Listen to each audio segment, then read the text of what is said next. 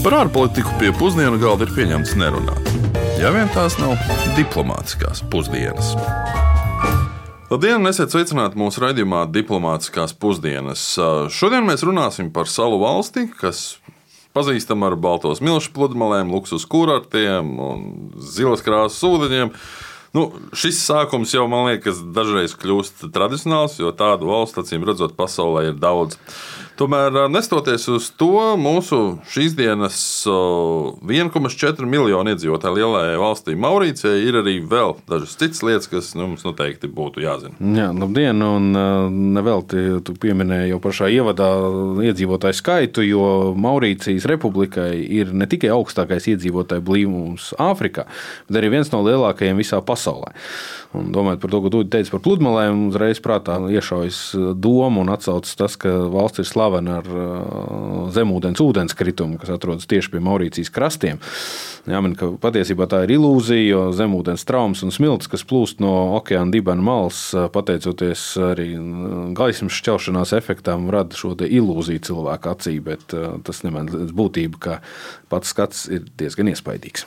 Pasaulē Maurīcija ir zināma ar to, cik tā vēsturiski ir bijusi svarīga bāze tirdzniecības ceļiem no Eiropas uz austrumiem vēl pirms Suecas kanāla atvēršanas. Gan frančūži, gan briti cīnījās par Maurīciju Napoleona gados, un nu, pieļauju, ka daudziem mūsu klausītājiem šī valsts varētu būt zināma ar tā slaveno cukuru koloniju. Nu, arī mūsdienās Maurīcijas galvenais eksports ir cukurniedres. Nu, cukuru atkarībā mēs vēl parunāsim.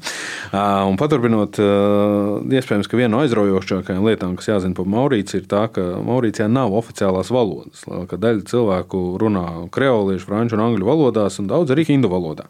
Nu, praksē gan tas nozīmē, ka franču valoda ir kultūras lietojuma valoda, izmanto izglītībā un plašsaziņas līdzekļos, savukārt angliski runā politikā un ierēdniecībā. Gan drīz kā Peļķijā. Starp citu, Maurīcija ir arī vienīgā nācija Āfrikā, kuras galvenā reliģija ir hinduisms. Tā gan arī puse, 49% no cilvēkiem ir uh, hinduisti, tad seko Romas katoļi 26% un vēl ir arī 17% musulmaņi. Nu, valstī tiešām ir uh, saudabīgs sociopolitiskais uh, profils, par to arī bišķi vēlāk parunāsim tūdās pamatēdienā, bet viena lieta, ko pilnīgi noteikti mūsu klausītāji varētu zināt attiecībā uz Maurīciju, ir slavenais Dodo putns. Maurīcija bija vienīgā vieta, kur Dodo putns eh, dzīvoja līdz 17. gadsimta beigām, tas ir arī Maurīcijas simbols. Un tieši šis skaistais putns, Luis Karols, savulaik esot iedvesmojis arī 19. Eh, gadsimta beigās uzrakstīt slaveno grāmatu Alis brīnumzemē, bet nu, daudziem, daudziem citiem Dodo putns, protams, simbolizē, kā cilvēku ekonomiskās darbības rezultātā tiek iznīcināta daba un, un skaisti dabas iemītnieki par to, kā vajag pārvaldīt valsti un varbūt nevajag pārvaldīt valsti, un kā tas tiek vērtēts starptautiski, to mēs runāsim turpmāk. Bet tagad paklausīsimies, ko par Maurīciju zina teikt mūsu iedzīvotāji. Ar ko jums asociējas tāda valsts Maurīcija? Noteikti ar kaut ko siltu un garšīgu ēdienu. Man tas tāds pirmais. Dienvidniecisks man liekas kaut kas tāds. Kur, kur varētu atrasties?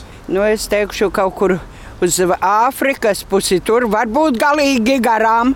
Nu, godīgi sakot, ne ar ko. Tāpēc, ka ne, es esmu tur bijis, neesmu interesējusies par šo zemi. Sala, tā ir liekas, sala, sala ne? Nav ne mazākās nojausmas. Es nezinu, kur atrodas Maurīcijas sils.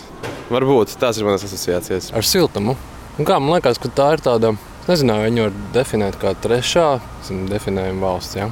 ja mēs zinām, ko mēs domājam par to uz momentu nevar risināt krustvārdu mīklus, tāpēc es zinu parasti šitos. Pašreiz Austrālijas tūmā, man liekas. Ar atpūtu, siltumā. nu, man liekas, saule, pits, vīns.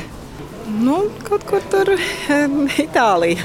Uh, jā, ir tāda Āfrikas valsts. Droši vien, kad ar uh, Roliju, Parīzē, Dakārā. Siltumu noteikti. Daudz cilvēku noteikti dzīvo. Nu, dzirdēts ir, bet patiesībā laikam neko nepateikšu. Un nedaudz skaidrojot to, ko minējām raidījuma sākumā par Maurīcijas dažādo valodu lietojumu un etnisko grupu sajaukumu, ir jāmin, ka primārais iemesls tam ir, protams, Maurīcijas dažādā vēsture, nu, daudzveidīgā vēsture. Tā, piemēram, valsts vairāk kārt iekaroja holandieši, franči, briti. Briti, starp citu, Čago salas vēl joprojām nevēlas līdz galam šo arhipelāgu atdot Maurīcijai. Un papildus, protams, uz valsti tika atvesti arī vergi no kaimiņu Āfrikas valstīm. Vēlāk, atceļot verdzību, daudz viestrādnieku atbrauc no Indijas, no Ķīnas un pārcēlās tur uz pastāvīgu dzīves vietu.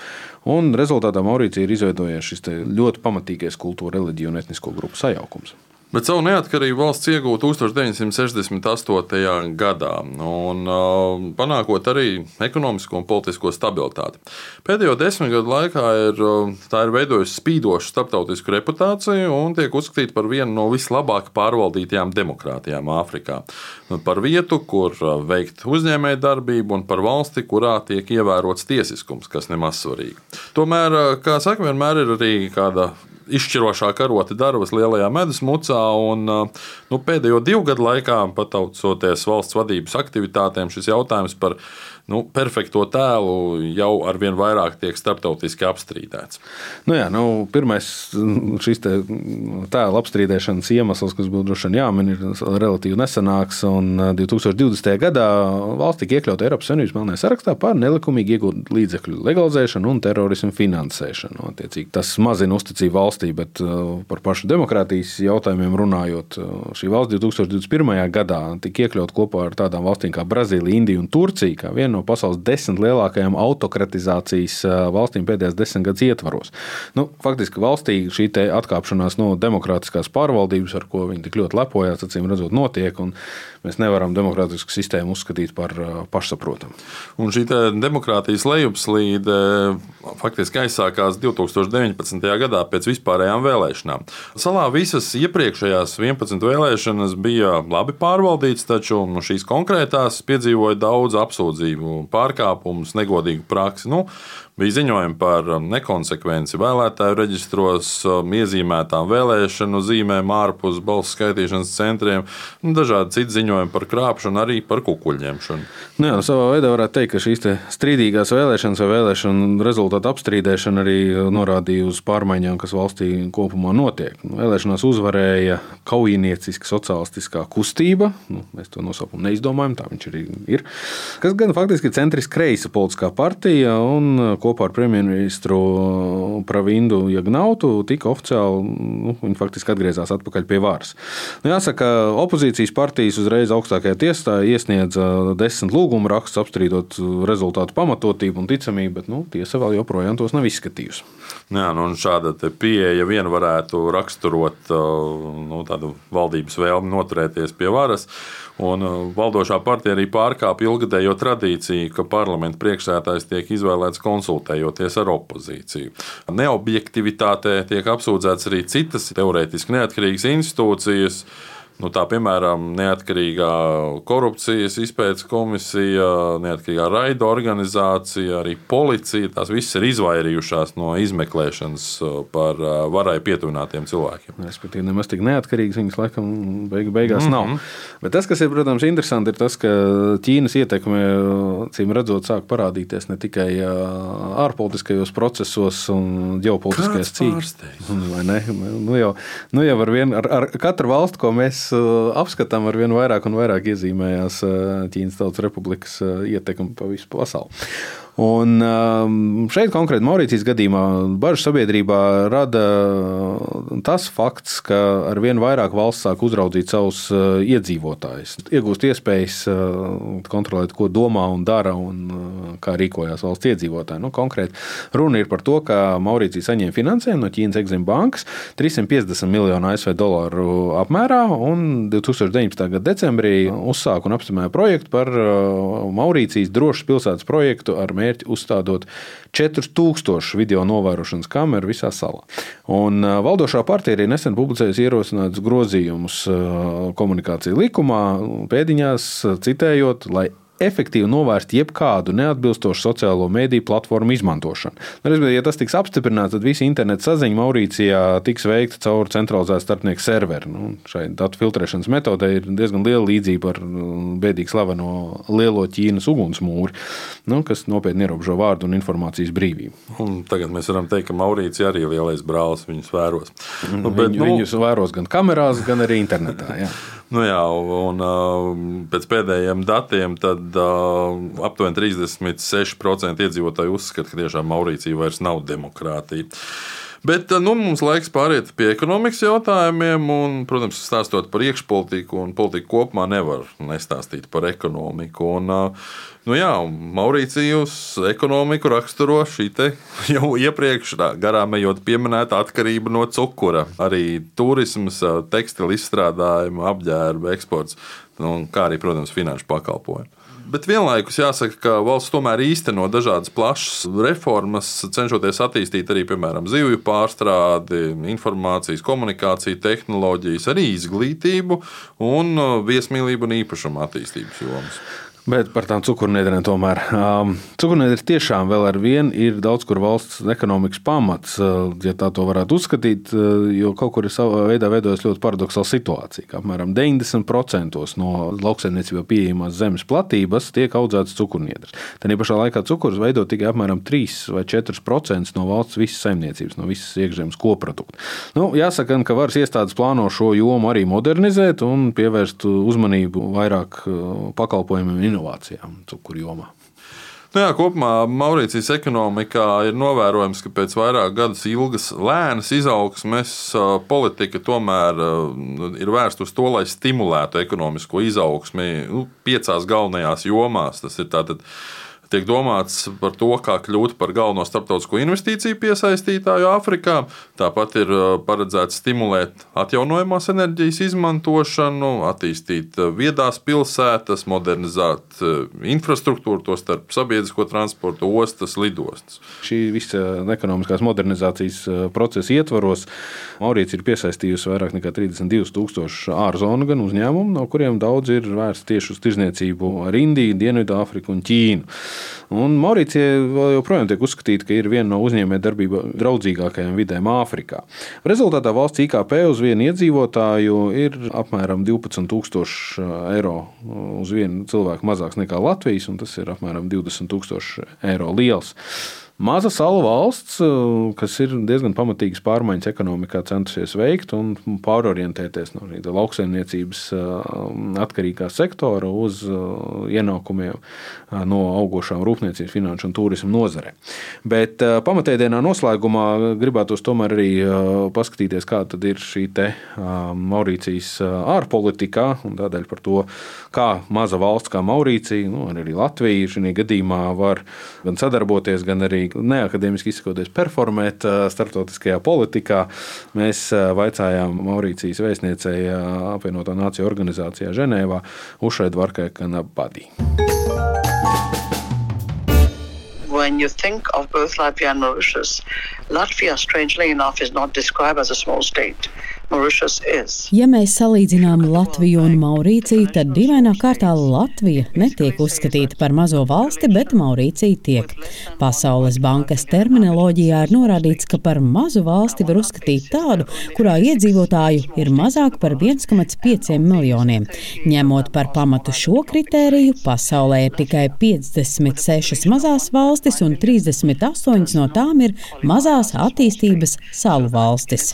Šis faktors faktors mums ir ārkārtīgi svarīgs, definējot savas ārpolitikas prioritātes. Taču paradoks ir tāds, ka dažu tuvāko gadu laikā mēs jau varbūt sasniegsim šo pusotra miljonu robežu, kaut arī teritoriālajā ziņā valsts palielinājusies nebūs. Mēs joprojām būsim mazā attīstības salu valsts. Otrakārt, gan Maurīcijas, gan citu mazo salu valstu gadījumā jūs varat redzēt, ka mēs ļoti augstu vērtējam likuma varu. Tiesiskums ir viens no mūsu ārpolitikas pīlāriem. To var izskaidrot ar faktu, ka mums nav militāro spēju. Mēs gan spēlējam ļoti nozīmīgu lomu, dažreiz nodrošinot militāriem mērķiem nepieciešamo strateģisko atrašanās vietu daudz attīstītākām valstīm. Un trešā lieta ir cilvēktiesības. Mēs esam ļoti uzticīgi starptautiskajai pārvaldībai un starptautiskajai sabiedrībai, kā arī pārliecībai, ka daudzpusējā tirzniecības sistēma un starptautiskie noteikumi ir jāattiecina uz pilnīgi visiem. Ir jāievēro vieni un tie paši noteikumi, tostarp cilvēktiesības. Mūsuprāt, pats galvenais visām valstīm, neatkarīgi no tā, vai tās ir lielas vai mazas, ir teritoriālā nedalāmība. Arī Maurīcija šim principam valdībām ir ļoti uzticīga, mums ir nozīmīga mūsu suverenitāte un mēs cienām citu suverenitāti. Tāpēc arī ceram, ka citi cienīs mūsu tiesības. Un visbeidzot, laba pārvaldība. Ja jūs esat maza valsts, ir nepieciešams vērsties pie cilvēkiem un skaidri nodalīt, kas viņu uzvedībā ir pieņemams un kas nav. Šī ētikas aspekta piešķiršana pārvaldībai ir ārkārtīgi nozīmīga. Rezumējot, ja jūs paskatāties uz mazajām valstīm, tad jā, mēs esam ievainojamas, bet mēs savu ievainojamību apzināmies. Mums nav daudz varas, taču atcerieties, piemēram, par Vatikānu, kas ir mazākā valsts pasaulē ar lielāko maigo varu. Un galu galā, kad mēs nonākam apvienoto nāciju organizācijā vai Pasaules tirzniecības organizācijā, mums visām ir viena balss. Tāpēc, neatkarīgi no jūsu izmēra, jums ir ļoti daudz varas. Vairāk nekā jūs varat iedomāties. Lai cik būtu paēdis, vienmēr ir vieta arī desertam. Nu, šodien desertā nebūsim tik saldi. Šoreiz ne par cukuratkarību. Tieši tā, jā, un tāpēc parunāsim par Maurīcijas teritorijas izveidi. Parunāsim par skaisto. Varbūt daudz nezinās, bet Maurīcija radās zemūdens vulkāna izvirduma rezultātā apmēram pirms desmit miljoniem gadu. Un uh, izvirdums uh, ar lavu kopā izcēla no dzīvēm pamatīgu zemes gabalu, radīja daudzus kalnus, ielas, aizes, kas pastāv joprojām. Tik būtisks šis skaistums ir, ka Maurīcijas ģerbonī latviešu valodā ir ierakstīts tulkojumā, kas nozīmē Indijas okeāna zvaigzne un atslēga. Nu jā, ceram, ka mēs esam vismaz devuši jums tādu nelielu intrigu un vēlmi, ja ne painteresēties, tad varbūt pat aizbraukt uz Maurīciju. Bet ar to mums ir pienācis laiks šonadēļ no jums atvadīties. Nākamajā nedēļā mēs jūs aicināsim ceļojumā, ja tā var teikt, atkal uz otru pasaules malu, uz Ekvadoru. Atgādināšu vēl tikai, ka mūsu raidījumā nu, atkārtojums ir klausāms gan podkāstos, dažādās muzikas straumēšanas vietēs, gan Latvijas radio viens mājaslapā, gan arī Latvijas radio mobilajā lietotnē.